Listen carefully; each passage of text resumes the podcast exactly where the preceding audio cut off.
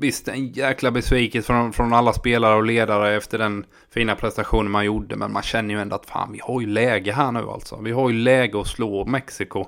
Och det räcker med ett mål så är vi vidare. Eh, och det måste ju ändå ses, eh, måste man ändå känna att fan, vi, vi, vi har vittring ändå alltså.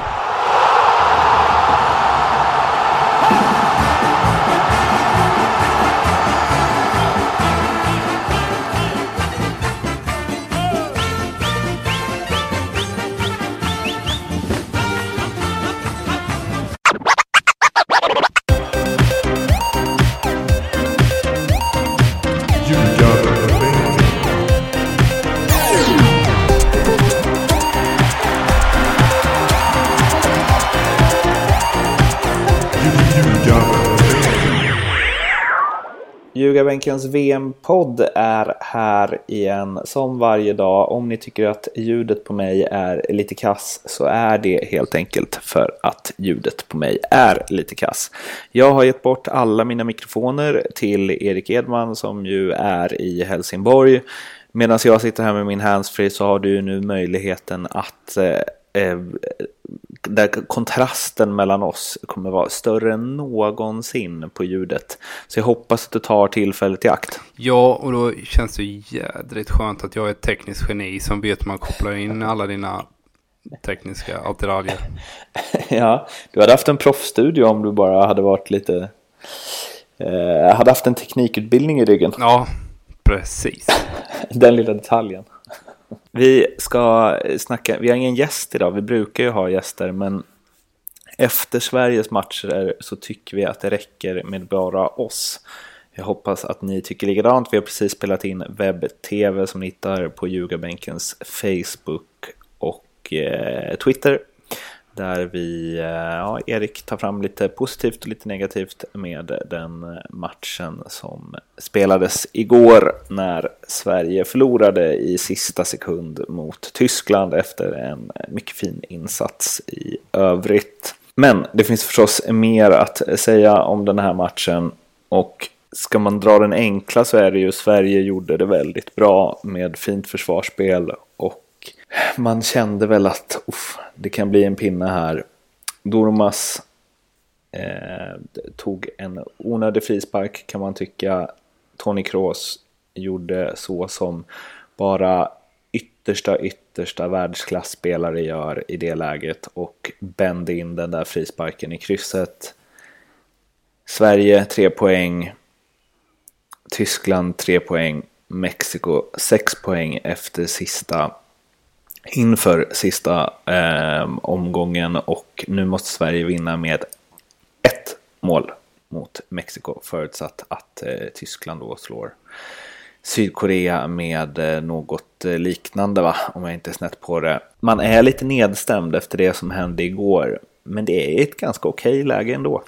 Ja, men hade man eh, sagt det här efter ja, inför VM att vi skulle vinna mot Sydkorea, vilket vi trodde och hoppades såklart. Men eh, vi trodde också på en jädra tuff resa mot eh, Tyskland, vilket vi fick. Men eh, spelarna hanterade det fantastiskt bra och det levde hela vägen här. Och, och, bara få stryk med ett mål mot Tyskland får man ändå säga är mycket bra resultat utifrån de förutsättningarna som, som gavs och med tanke på det motståndet som eh, erbjöds eh, igår. Så att eh, Bra prestationer hittills. Nu gäller det att krama ur det sista också här i matchen mot Mexiko.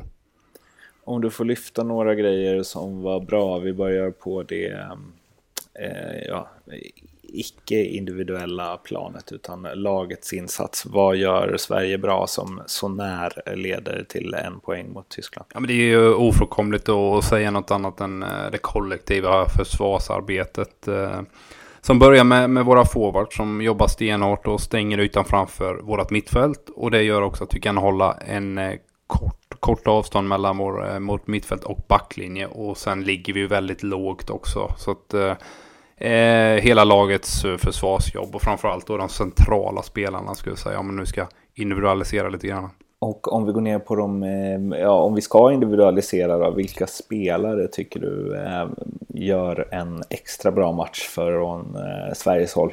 Jag säger två som jag tycker sticker ut eh, lite extra. Sebastian Larsson och Viktor Nilsson Lindelöf står för riktigt bra insatser. Men eh, även Granqvist och Albin Ekdal också då, så har vi nämnt fyra i alla fall. Och de andra gör eh, också en bra match. Nu har jag hyllat hela jävla laget här snart.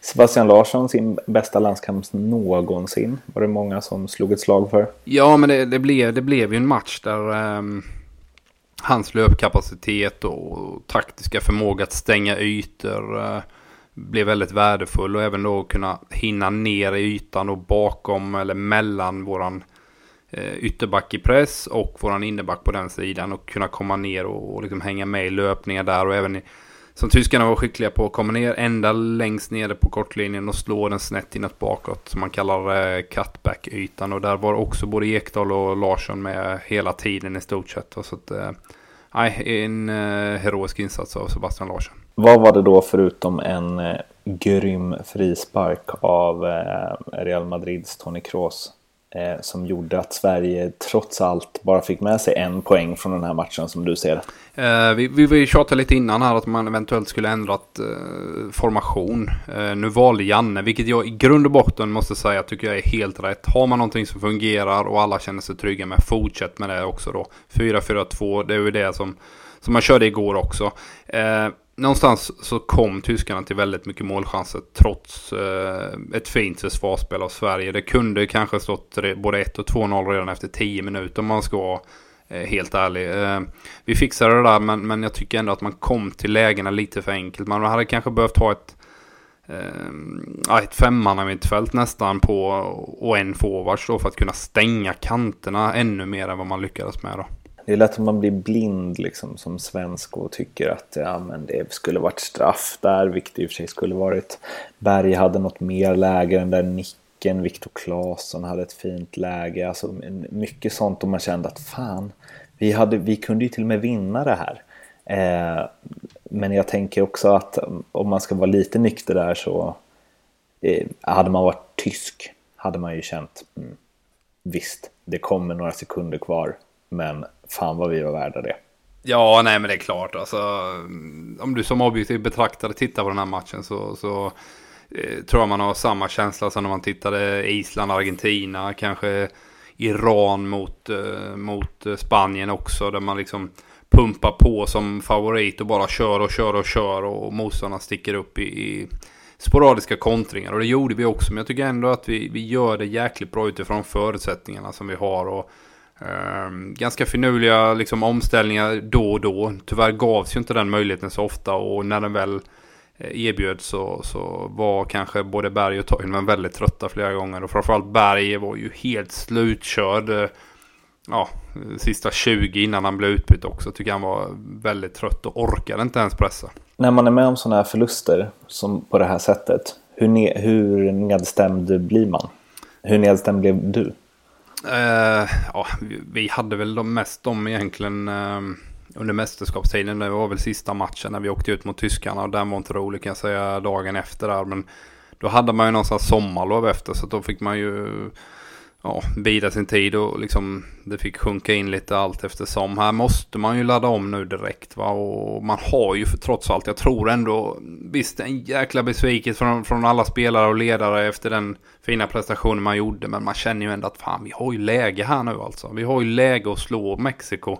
Och det räcker med ett mål så är vi vidare. Eh, och det måste ju ändå ses, eh, måste man ändå känna att fan vi, vi, vi har vittringen då alltså. Så du tror ändå att det är, när det får lägga sig lite så är det ett lag med go som går in inför den här sista matchen? Ja, det tror jag definitivt och någonstans kan man ta med sig den här känslan ändå.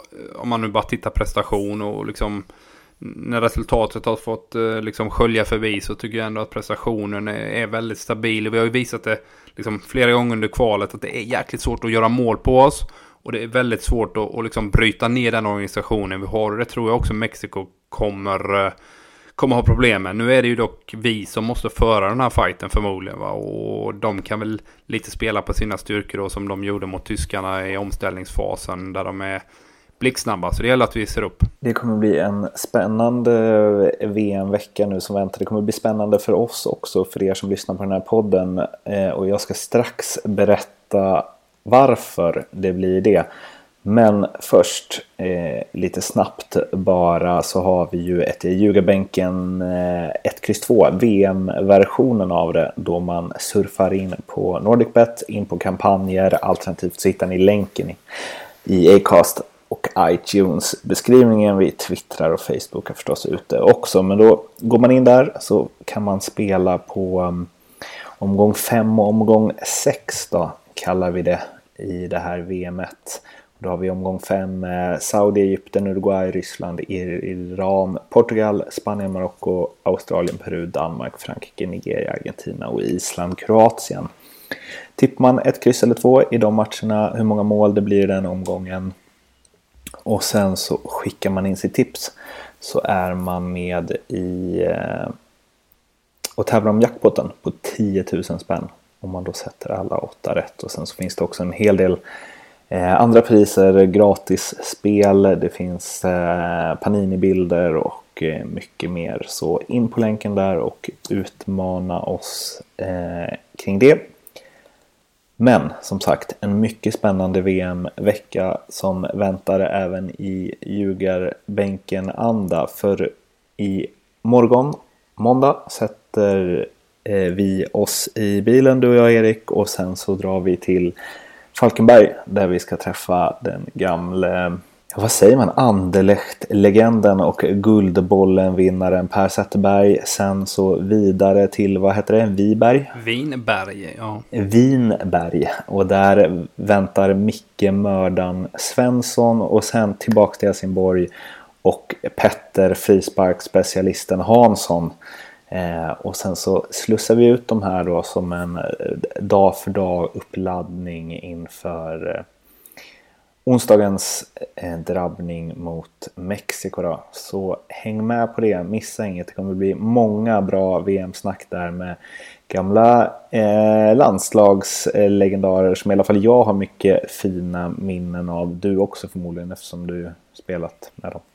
Eh, men vi hörs igen imorgon helt enkelt. Skit att det blev som det blev, men ibland blir det som det blir.